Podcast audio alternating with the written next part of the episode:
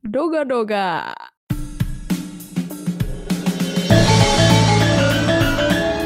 Hai guys, welcome back to Gado Gado Podcast bareng Vivi Eja. and Audrey. Nah, hari ini kita bakal ngelanjutin topik dari minggu lalu. Jawabin pertanyaan tentang pengalaman studi di luar. Jadi buat kalian yang belum dengerin, boleh check out dulu ya. Nah, sekarang kita langsung masuk ke pertanyaannya ya. First question. Cuaca di sana seperti apa sih? Aduh, kalau sekarang ya kayak gloomy-gloomy gitu pagi-pagi lagi. Tapi ya ini udah November, jadi udah mulai udah mulai dingin. Kalau kalian mau lebih spesifik lagi, sekarang itu 7 degrees Celsius. Jadi katanya sih minggu depan udah udah mau ada snow. Jadi kalau di di Toronto basically itu kalau November udah mulai snowing, December snowing, snowing terus sampai maybe Februari atau April gitu, abis itu baru mulai anget lagi. Jadi ya gitu deh, harus sering-sering ngecek weather app setiap pagi, apalagi kalau mau keluar eh, hari ini dingin atau enggak. Kadang bisa, kadang kayak kemarin pas hari Selasa itu 20 20 degrees Celsius, sekarang 7 degrees Celsius. Beda tiga hari. Oh ya. Kalau Mecha gimana? I don't know kalau beda banget atau enggak di LA. panas California. California tuh, well, I live in both kan uh, Bay Area sama LA. Memang kalau California lah, secara general itu paling panas mungkin 40 derajat. Dan itu tuh kayak panas banget karena di situ kan memang dia nggak lembab ya cuacanya. Kering banget. Jadi tuh kalau misalnya keluar berjemur di bawah matahari tuh perih banget. Kulitnya tuh bisa perih gitu kayak kalau kena sinar matahari terik itu nggak enak banget. Dan kalau musim, musim dingin pun nggak pernah nyampe nol gitu loh. Kayaknya paling dingin itu cuman 2, 3, 4 derajat gitu paling dingin so far. Jadi ya California lumayan enak sih. Cuman yang nggak enak nggak ada salju. Jadi kalau misalnya mau gaya-gaya pakai baju tebal juga nggak bisa. Kalau pakai baju tebal mah nggak bisa gaya-gaya, Mi. Justru pakai baju tebal bisa Nggak bisa gaya-gaya gerak. fashion. Layered keren weh. Kamu pillow. Bisa pakai boots-boots tinggi gitu yang selutut gitu. Tapi ya gue juga nggak bisa fashion so it's okay. Oh, the problem is kayak kalau winter tuh nggak bisa fashion. Soalnya terpaksa pakai jaket yang very thick and then boots yang very thick. But anyways, Karena pendek. Pakai kaos berapa dong. lapis, Dre? aku aku sih paling maksimum tiga lapis, cuman nggak pernah lewat dari situ. Tapi sekarang mah kan easy lah, kan ada apa sih itu yang Uniqlo Heattech. Terus ada ya Heattech. Something like that. Terus True, uh, true. winter winter jacket yang udah bisa sampai kayak negative 20. So sebenarnya here's the tip guys kalau kalian mau sekolah di Toronto. Apalagi kalau if you're like me, aku aku nggak suka ya kayak if there's like a different kayak change in temperature kalau dari di luar sama di dari di dalam. Jadi kan obviously kalau winter di luar tuh dingin banget bisa negatif. Pas di dalam kan jadi hangat banget 20 derajat gitu. Terus eh, aku seringnya pakai jadi pakai t-shirt biasa di luar. Eh di dalam. Eh, di luar pakai jaket Woman ya. jaket yang paling tebel yang kamu punya gitu kan. Jadi kalau di luar kamu langsung anget terus pas kamu masuk ke dalam langsung buka jaketnya terus jadi kayak you can air out gitu kan. Jadi jadi dingin. Ya. Yeah. anyways. kalau di Taiwan sih I don't think there's snow there. Enggak, enggak ada snow. Tapi katanya sih kayak berapa tahun yang lalu ada pernah snow, tapi itu cuman kayak sekali doang. Terus kalau di sini tuh Taiwan tuh lembab banget ya cuacanya, kayak summer juga lembab. Terus kalau lately sekarang sih akhir-akhir ini rada gloomy gitu. Tapi Taiwan tuh aneh, kayak sekarang kan udah mau masuk musim dingin. Tapi cuacanya tuh kadang bisa cerah banget yang nyampe 28 degrees, 28 derajat Celcius which is panas kan sebenarnya Panas. jadi kayak random gitu Oh, BTW gue lupa bilang, California tuh kalau hujan ya, enaknya yang gue suka dari California, hujannya tuh nggak pernah gede. Seumur-umur gue tinggal di situ tuh nggak pernah ada yang namanya geledek. Dan gue tuh benci banget sama geledek. Di situ tuh hujannya tuh kecil-kecil gitu loh. Jadi kayak kalau kena badan gak sakit. Terus kayak, ya bawa payung santai aja, nggak pernah yang kayak... Kalau kalau di Indo kan kalau misalnya hujan itu kayak perang kadang kayak badannya kena padahal udah bawa payung. paling nggak bisa sampai terjungkal kebuka ke atas gitu. California mah santai aja guys. Hujannya enak. Iya itu what happens in Taipei itu. Itu my life. Jadi kan kayak kalau pergi jalan-jalan Taipei itu anginnya gede banget guys. Karena kita tuh sebenarnya island kan. Jadi we're exposed to like the sea and everything. Jadi uh, anginnya tuh suka kencang. Terus kemarin itu aku sempat ke luar kota kan ke tempat teman aku. Nama tempatnya Shinju nah di Shinju ini anginnya tuh gede banget guys. Aku tertiup dan nyampe terbawa arus angin. Tapi jangan sampai terbang ya. tapi itu gila sih. Kayak kayak parah banget itu. Itu bisa tertiup dengan angin. Aside from that kita juga kadang kadang bisa kena typhoon. Kayak aku pernah sih ngerasain typhoon Uh. sekali aku pernah. Jadi uh, it was last year tahun lalu jadi kan siangnya kayak typhoon itu kayak hujan gede banget sama anginnya gede banget kan. Dan sebenarnya itu kayak dangerous gitu. Tapi aku mikirnya kayak oh looks like it's fine outside gitu loh. Pas siang-siang nih ya udah jadi aku keluar dong. Aku ke gedung jurusan aku. Terus pas sampai gedung jurusan kan aku stay there kayak sampai malam terus malamnya ternyata yang bener-bener typhoonnya gitu jadi kayak parah banget sampai aku nggak bisa balik sampai pohon-pohon berjatuhan dan itu bener-bener kayak serem banget ya Gila, belum out. berpengalaman, belum berpengalaman kan pertama kali newbie waktu itu. Iya, don't go out guys. Pokoknya kalau sekolah bilang diliburin, jangan macem-macem keluar-keluar dah. Gara-gara typhoon. Mereka gak kasih tau hari ini aku kalau ada typhoon jadi kelas di cancel. ya mereka kasih tahu beforehand gitu loh. Jadi kayak, oke eh, hari ini bakal ada typhoon, jadi kalian diliburin. Jadi yang kerja juga libur, yang sekolah libur, everything libur. Terus kita disuruh stok makanan juga. Ah. Itu guys. Oke, so moving on to the next question. Tempat tinggal kalian seperti apa sih? Pilihannya apa aja? Kenapa kalian pilih buat tinggal di situ? Yuk, yang di Taiwan dulu lanjutin. Oke, tempat tinggal ya. Sebenarnya at first aku tinggal di asrama sekolah. Terus asrama sekolah itu ada kayak dua jenis gitu, yang elit sama yang biasa. Jadi kalau yang elit itu tagihannya bulanan ya. Terus kalau yang biasa itu tagihannya biasa per semester barengan sama bayar uang sekolah. Nah, kalau yang elit ini itu ada pilihan kamar yang single bed, double, sama triple. Yang sekamar sendiri berdua sama bertiga. Terus itu lebih elit gitu deh gedungnya. Ada lift, ada gym sendiri, terus security-nya juga bagus, terus gedungnya juga lebih bagus gitu kan, lebih baru. Terus kalau yang general dorm ini, yang dorm yang biasa itu satu kamar isinya berempat.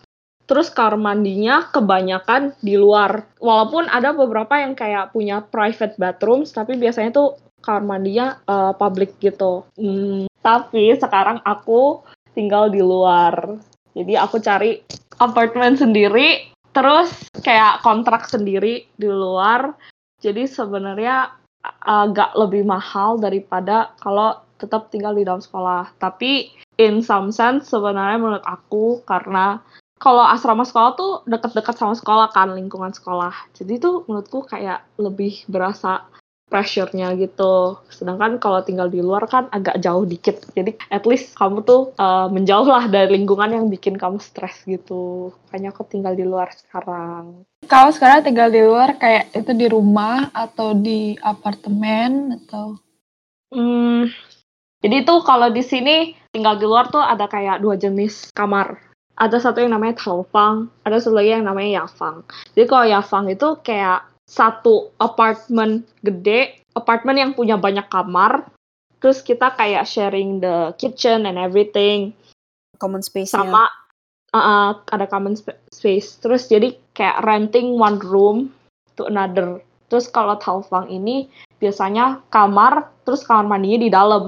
Yang bedain cuma itu aja sih. Hmm. Nah, aku tinggal yang ada uh, ada inside bathroom. bathroom. Yes. And I also have neighbors around. Jadi sebenarnya bisa dibilang kayak sort of like an apartment, tapi kayak lebih ke room inside a room. Tuh. Berarti nggak dapet dapur.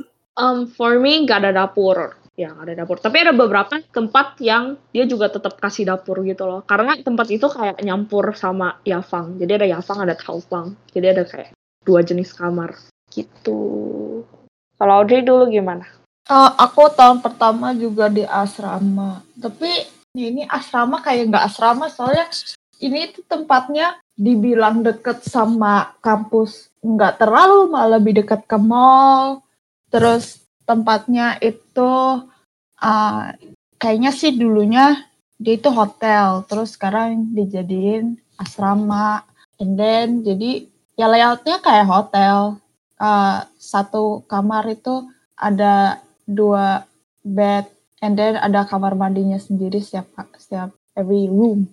Jadi ya you can see I mean if kalau udah pernah tinggal di hotel pasti tau lah bisa imagine. Terus kalian dapat meal plan kalau makan selalu ke dining areanya terus kayak buffet style gitu. Terus pas tahun kedua itu aku pindah bareng my roommate dulu. Jadi kan dulu two bed. Habis itu ada roommate and tahun kedua aku tinggal sama roommate aku di kayak apartemen gitu. Uh, lebih dekat ke kampus sedikit yang tadi 20 menit jadi kayak hmm, 15 menit maybe ke uh, jalan ke sekolah. And then uh, apartemennya two bedroom it's quite big and large meja situ.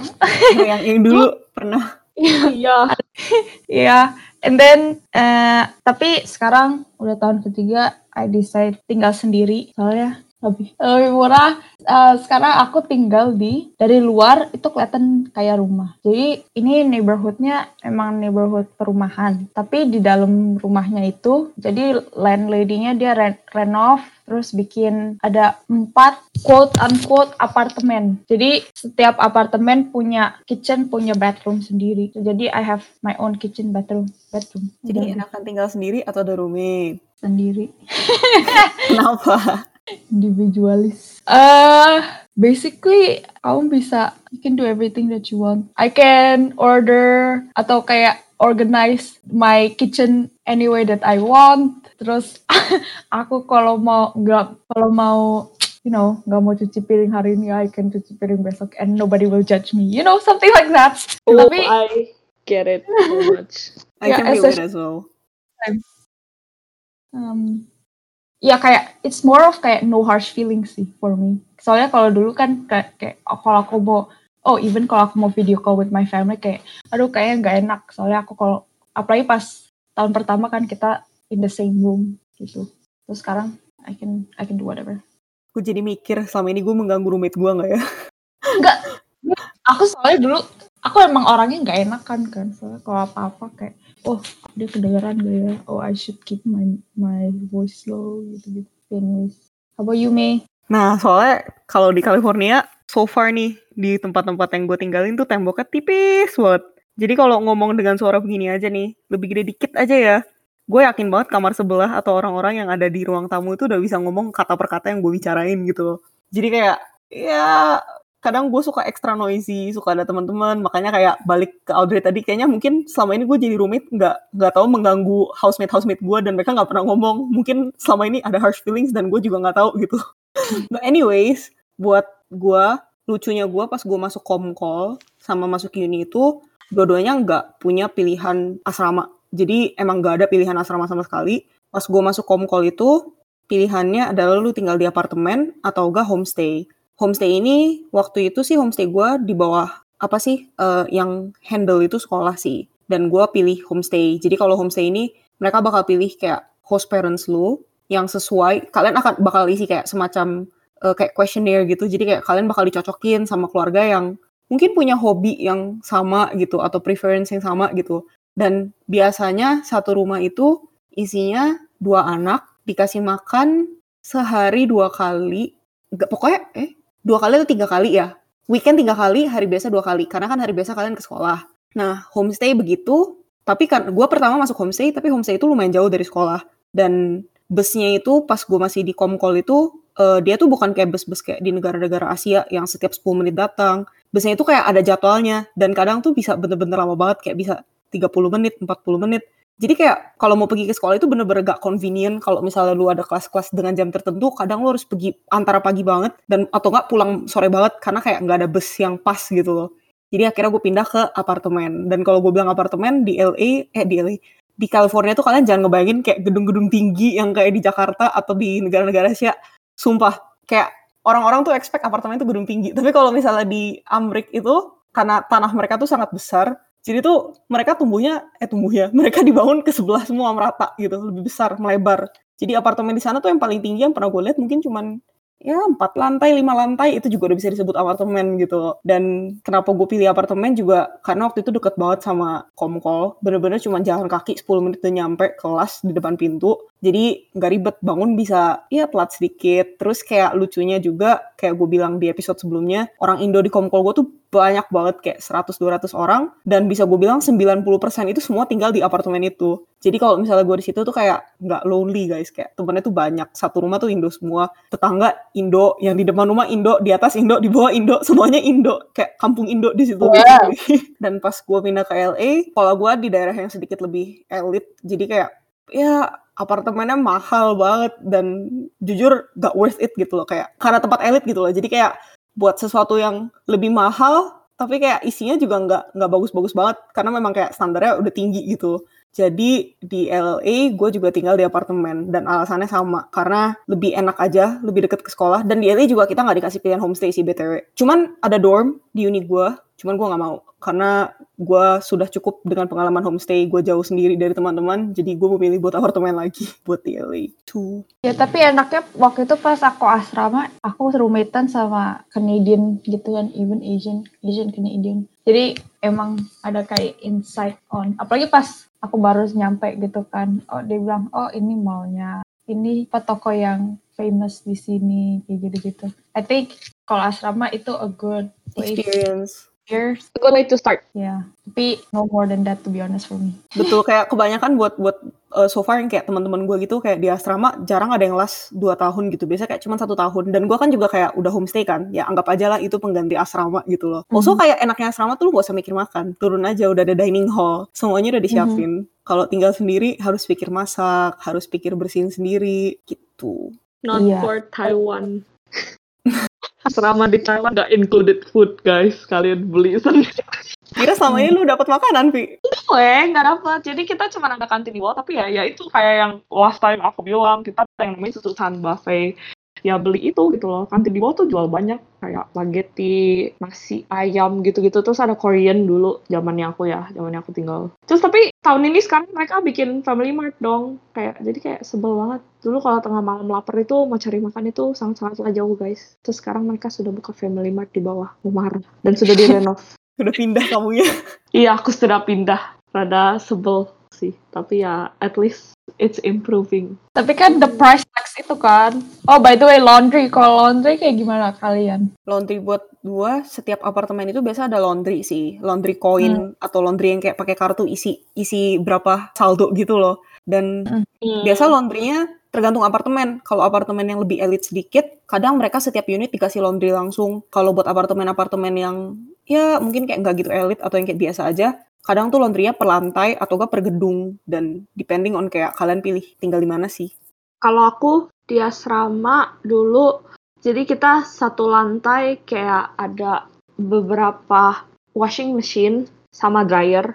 Jadi biasa kamar mandi umum, terus ini dorm aku pas tahun pertama ya kamar mandi umum, terus pas keluar ada pintu keluar. Nah di situ tempat cuci baju. Jadi ada washing machine sama satu dryer, sama kamu bisa gantung baju juga di atasnya.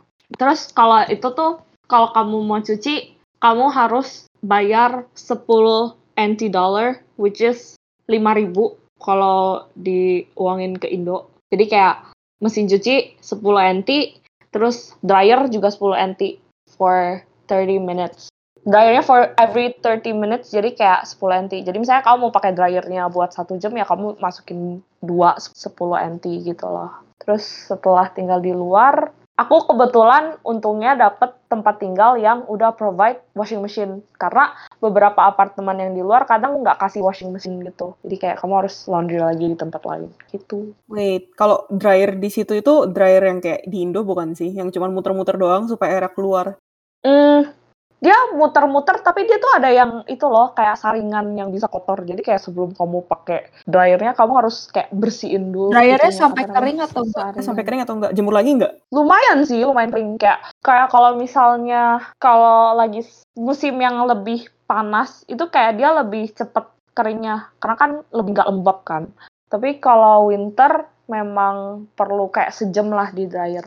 Tapi itu bener-bener kering gitu loh tapi bener-bener kering banget gimana? Eh, ya, that's a good thing to point out sih, Mi. Eh, yang bedanya laundry di sini sama di Indo itu, di sini tuh ada dryer kan. Betul. And dryer sampai kering banget. Gak usah Basically, di setrika juga udah bisa. jemur. Iya ya, udah nggak perlu setrika, nggak perlu jemur-jemuran lagi. Tapi ya pertama tahun pertama itu kan kayak itu ex hotel, jadi sama lah kayak Meche setiap apartemen punya apa apa punya laundry laundry roomsnya sendiri. Jadi I have to get down harus ke bawah. Abis itu ada it's not a coin laundry tapi kayak kamu punya saldo. Ya, terus diisi setiap kali kamu pakai tap-tap. Terus tahun kedua di apartemen, kamar apartemen itu ada laundry roomnya is in my room. Jadi kalau mau laundry berapa kali sehari juga nggak apa-apa. Tapi sekarang nih, aku kan tinggal kayak di rumah an old house. Jadi nggak punya laundry. Sebenarnya kalau aku mau laundry itu harus ke laundromat ya coin laundry gitu. Aku belum pernah sih soalnya aku beli mini laundry um, dari Facebook Marketplace, my favorite place. Jadi ya bisa nyuci-nyuci sendiri.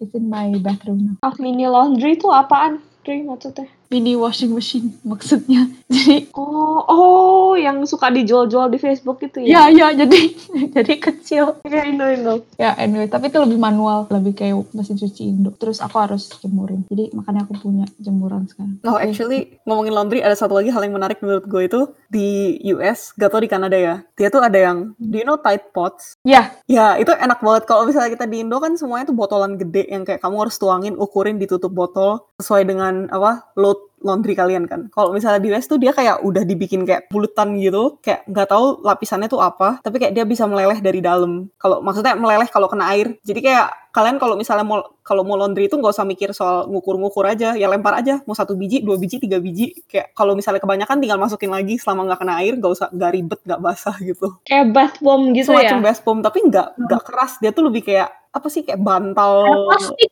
kayak plastik ya licin-licin gimana gitu kayak kantong plastik diisiin uh, deterjen. deterjen tapi bisa meleleh Ya, anyways, I on.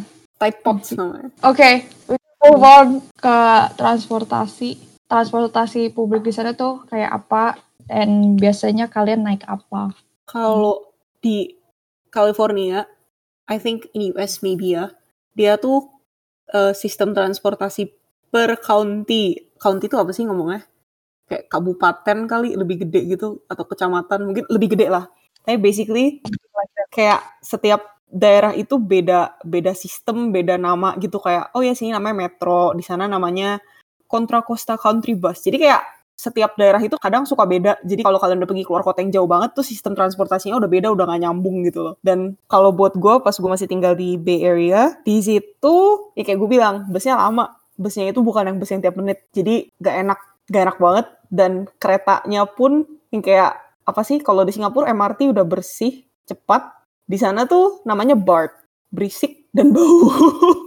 Jujur, I'm not a big fan of taking BART. Lama dan berisik banget. Terus suka banyak orang-orang aneh di dalamnya gitu. Dan mahal, gak worth it. Cuman kayak karena memang student, terus gak punya mobil, gak punya apa. Jadi kalau misalnya kadang pengen ke kotanya gitu, ke pusat kota, ya memang harus naik BART, harus naik bus. Sekali jalan kayak, ya satu jam setengah, dua jam gitu loh. PP 4 jam. Jadi main di kota kayak gak full day lah istilahnya. Nah kalau pas gue pindah ke LA, di situ beda transportasi, namanya metro. Dan ya busnya di situ oke lah per mungkin 10 menit, 20 menit ada satu. Jadi sedikit lebih convenient gitu. Terus waktu gue ke LA juga udah 2 tahun kemudian udah banyak skuter guys. Kalian tau kan di Indo sempet trending yang skuter-skuter gitu. Kalau di sana tuh masih ada sampai sekarang skuternya masih jalan. Bayarnya per satu menit gitu berapa sen gue nggak inget. Gue nggak pernah naik. Soalnya kalau mau naik skuter kalian juga perlu license. Dan gue juga takut jatuh. Jadi gue nggak berani karena teman-teman gue banyak yang jatuh. Terus ada juga Uber. Gue sering lebih sering Uber di LA. Tapi juga buat sehari-hari ke sekolah, gue naik bus tetap pulang pergi. Gitu. Kalau di tempat lain, Toronto, Iya, public transport. Aku pakai everything public transport lah ya. Nggak punya mobil, nggak punya bike, not have nothing. Jadi basic public transport di sini public transportnya di Toronto namanya TTC. TTC ada bus, ada subway, ada streetcar. Yang menurut aku tuh something unique. Not all major cities punya streetcar. Streetcar tuh kayak tram ya. Tapi ya aku sering naik subway. Terus punya kartu kayak namanya Presto Card. Jadi kalau kita mau naik tinggal tap di bus atau tap pas masuk station, tap pas masuk streetcar. Tiap kali tap itu 3 dolar 25 sen. Tapi kamu bisa ke mana aja dan bisa transfer how many times you want selama 2 jam. Sama di LA juga begitu, selama dua jam. Nah, kalau aku, aku ada sepeda. Aku punya my own bike di sini. Aku beli sepeda. Terus sebenarnya aku udah dua kali beli sepeda. Soalnya sepeda pertamaku hilang guys. Jadi di sini tuh banyak pencuri sepeda. Aside from that, kita karena aku tinggal di Taipei, jadi kita ada MRT, ada bus, ada U-bike. Jadi U-bike tuh kayak kalau di Indo apa ya? Grab wheels gitu kali ya. Oh iya ada. Ah, cuman kalau Grab wheels kan itu apa sih namanya? Skuter, bukan skuter. Itu apa Loh, ya tapi bukannya kalau di Indo kan biasanya yang tukang deliverynya yang naik, bukan buat kita. enggak enggak Grab wheels loh. Oh oke. Grab wheels pay. Yang per met- yang per meter, yang per eh, per meter, per menit gak sih?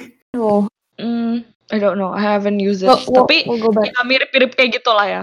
Bedanya sepeda. Terus kalau di sini uh, U-bike-nya itu jadi kayak the first 10 minutes or 15 minutes is free. Tapi abis itu kayak every 15 minutes after that you have to pay 5 NT dollars which is 2500 setiap 15 menit. Jadi dia nggak per kilometer lebih ke amount of time that you use. Tapi U-bike di sini tuh ada dua. Jadi ada U-bike yang first version, ada yang second version lagi. Ya. Nah, kalau yang second version itu lebih mahal, guys. I don't know how they use it, tapi kayak dari pertama kamu tap itu langsung kepotong 5 NT. And a few minutes after that, aku nggak tahu sebenarnya dia charge-nya berapa banyak. Tapi terakhir kali aku pakai U-Bike, U-Bike yang 2.0 for only like an hour and a half. Terus aku bayar 45 NT guys. Dan itu sebenarnya udah bisa buat MRT. Wah, lumayan loh 15 Mahal. menit. 15 sampai 3 15 sampai 30 kan? 15. ya, jadi kayak every 15 minutes ke charge Itu berapa NT. Lumayan 15 menit lumayan bisa jauh, bisa jauh banget. Hmm, Karena kalau misalnya setiap satu menit kayak di LA, setiap satu menit kena cas 80 sen, 90 sen juga lumayan kenanya gede gitu. Satu menit udah hampir satu dolar. Belum jauh. Iya, iya sih. Transportasi di sini bisa dibilang kayaknya lumayan murah ya. Terus aside from that, ya bus sebenarnya kayak sama kurang lebih sama apa yang udah bilang. Terus kalau MRT ya you guys know how MRT works. Tapi di sini di charge-nya per 20 NT. Tapi sekarang ada new system. Jadi setiap kalian udah nyampe 300 NT dia bakal kayak refund gitu. Refund. Iya, jadi kayak dia kasih refund rebate rebate for next month. Oh. Dari 300 NT kan bisa dapat balik kayak 10%. Okay, so that's that. So, kita udah ngomongin transportasi. Transportasi kan berarti kita juga kayak lihat di outside world. Nah, hal apa sih yang mengejutkan pas kalian pertama datang? Nice segue, Vi. Hal apa yang mengejutkan? Jadi di sini itu banyak homeless, guys. Apalagi di downtown. Apalagi kampus aku tidak, aku kampus aku tuh di downtown. Dan around kampusnya itu banyak homeless. Di jalanan banyak homeless. Di depan mau banyak homeless. Apalagi kalau yang malam-malam gitu, merasa kayak nggak terlalu aman gitu. Mereka ada yang sedikit cray-cray juga, ada yang teriak, ada yang eh gitulah ya ada yang ngomong sendiri terus apalagi kalau kalau ada yang ngajak ngomong itu aduh hmm, I like how you say it's cray cray by the way. we are a little Itu siang atau malam deh? oh mau siang mau malam banyak terus banyak yang masuk I don't know ya mereka gimana caranya masuk subway tapi banyak yang beggar juga yang minta duit gitu di dalam subway atau di dalam bus atau di dalam streetcar Mhm. So kalau di US juga gak jauh beda sih sama Toronto yang gue kaget juga homeless itu banyak banget. Karena kayak kalau dari you know kalau orang-orang mikir mikirnya US itu negara baju kan gak bakal lah kepikiran sama kalian ada banyak banget homeless. Dan homeless di sini tuh ya sama bener-bener kayak Audrey bilang gitu, bener-bener di downtown di pusat kota udah mereka kayak gitu aja di pinggir jalan. Mungkin kayak ada daerah-daerah tertentu yang sepanjang jalan itu mereka bangun tenda-tenda sendiri atau enggak ya Hmm. tiba-tiba ada gerobak supermarket isinya tuh barang-barang mereka menumpuk tinggi banget gitu kayak baju-baju mereka selimut-selimut yang udah dekil gitu mereka bener-bener kayak asli gelandangan gitu dan bener-bener kelihatan gitu loh dan sama ya mereka entah kenapa bisa naik bus bisa naik subway juga heran sih gimana. Jadi kayak makanya kayak gue bilang tadi Bart itu banyak orang aneh dan maksud gue orang aneh itu maksudnya kadang bisa homeless juga di situ. Also homelessnya juga di depan sekolah juga kadang ada gitu kayak daerah rumah gue juga ada gitu. Jadi ya homeless is pretty shocking and also one thing yang menurut gue sampai sekarang gue kayak masih uh, itu adalah tipping culture-nya USA, tipping kalau misalnya di Indo kalian makan, mungkin service charge-nya kadang udah dihitung, kadang enggak, kadang juga enggak kasih gitu. Di US itu wajib banget guys, kalau kalian enggak kasih itu ya, kalian bisa dikejar weh sama waiternya tuh bisa ngejar kalian keluar toko. Iya bisa dikejar pelayan keluar toko. Dan kenanya tuh bukan sembarangan yang kita kasih sukarela. Harus bener-bener hmm, 15% dari apa yang kalian makan gitu. Jadi kalau misalnya kalian makan 10 dolar, kalian harus ngasih 1,5 ekstra lebih buat pelayan. Dan itu beda, itu belum hitung tax, belum hitung apa-apa. Pokoknya ya ya kena kena banget lah kayak kalian makan 4 tahun di situ kayak berapa banyak uang yang kalian keluarkan buat tax gitu. Tapi memang nggak bisa ngomong apa-apa ya, soalnya memang itu budaya mereka. Dan kalau misalnya kita ngasih di bawah persenan tertentu, mungkin mereka bakal mengira oh ada apa dengan service gua? gitu. Apa I I do wrong with my service? gitu. Dan kadang mereka bisa nanya atau mereka kadang kalau ada yang offended mereka bisa marah beneran sama pelanggan. Kenapa lo kasih gue cuma 10% gitu. Pernah juga ada yang begitu. So that was pretty shocking and masih gak used to it sih kalau bisa bisa dibilang moving on to Taiwan kalau di Taiwan ya talking about homeless aku sebenarnya gak tahu sih orang-orang ini homeless atau enggak tapi aku pernah begadang terus aku ke McDonald's. Jadi di sini kan McDonald's-nya 24 hours, 24 jam. Nah, di McDonald's ini suka ada old grandpa grandma gitu. Terus dia kayak suka ada banyak barang gitu. Terus dia tidur di McDonald's, kayak bener tidur di atas meja. Hmm. Jadi it was quite shocking sih. You would think Taipei kan sebenarnya lumayan, terusnya developed country. Jadi ya kaget juga sih, misalnya ada juga yang homeless kayak gitu-gitu. Terus aside from that, di sini juga banyak yang suka. Gak tau sih, ini lebih ke dekat environment sekolah aku ya. Tapi di environment sekolah aku tuh kayak suka ada bapak-bapak gitu yang genit sama cewek. Jadi kayak tuh agak agak serem. Jadi kayak aku udah pernah denger cerita kayak dikejar-kejar lah, apalah kayak opa-opa genit bukan opa-opa Korea ya opa-opa genit kayak opa-opa kakek-kakek guys jadi kayak ya lumayan serem. Karena tapi overall di sini tuh aku bisa bilang lumayan safe. Ya aside from the fact kayak tetap ada kakek-kakek yang genit dan menyeramkan itu, tapi ya overall selama aku tinggal di sini sih aku merasa aman-aman aja. Hmm, since Vivi juga udah ngomongin soal safety, ya gue juga pengen nambahin dikit sih. Buat gue safety in California setidaknya kayak gue bilang, gue cuma bisa mewakilkan California. Ya relatif tergantung daerah gitu loh. Sama lah kayak kalian di Indonesia, mungkin ada daerah-daerah tertentu yang lebih rawan, yang kalian harus lebih hati-hati. Dan ada juga daerah-daerah yang kayak, ya kalian bisa jalan, gak usah mikir banyak, dan pretty much aman-aman aja gitu. Personally buat gue sih, gue juga orang yang penakut ya. Jadi gue menghindari memang tempat-tempat yang lebih sepi, lebih rawan. Ya pokoknya ya gue hindari gitu. Kalau misalnya rame-rame, gue lebih berani pergi. So, that's mm -hmm. for mm-hmm. me. Iya, yeah, same goes for Toronto. Walaupun banyak kayak kayak gitu juga, I'm still here. I'm fine. Nothing happened to me. Uh, it's safe kok, safe. Apalagi kalau siang-siang mah safe-safe aja. Ya, as long as kamu ya be reasonable aja, nggak keluar kalau jam 2 pagi gitu. Atau kalau mau keluar malam-malam ya kalau you have friends ya jalan bareng gitu, jangan sendiri. Ya, kalau bisa jangan sendiri guys. To be more safe. Yep. Mm -hmm. Jadi kalian gak usah takut ya di luar negeri itu walaupun ada hal-hal yang menyeramkan, tapi dari pengalaman kita bertiga tuh lumayan aman. Jadi no need to worry about safety. And with that, it's the end of our session today. See you guys all. Thanks for listening. Next week. Guys. Thank you. Even though kita Bye. stretch a bit. See you guys. Bye bye. Jangan lupa tune in for the next episode juga. Terus kalau belum dengerin the previous one, mm-hmm. jangan lupa reminder. Dengerin. oh, and one more thing. Kita tuh benar-benar menerima feedback, kritik dan saran. Please do, okay? So we're we're gonna be putting our social media somewhere so you guys can reach out to us for feedbacks. Yes. Stay tuned, guys. Okay. Bye-bye. Bye. Bye.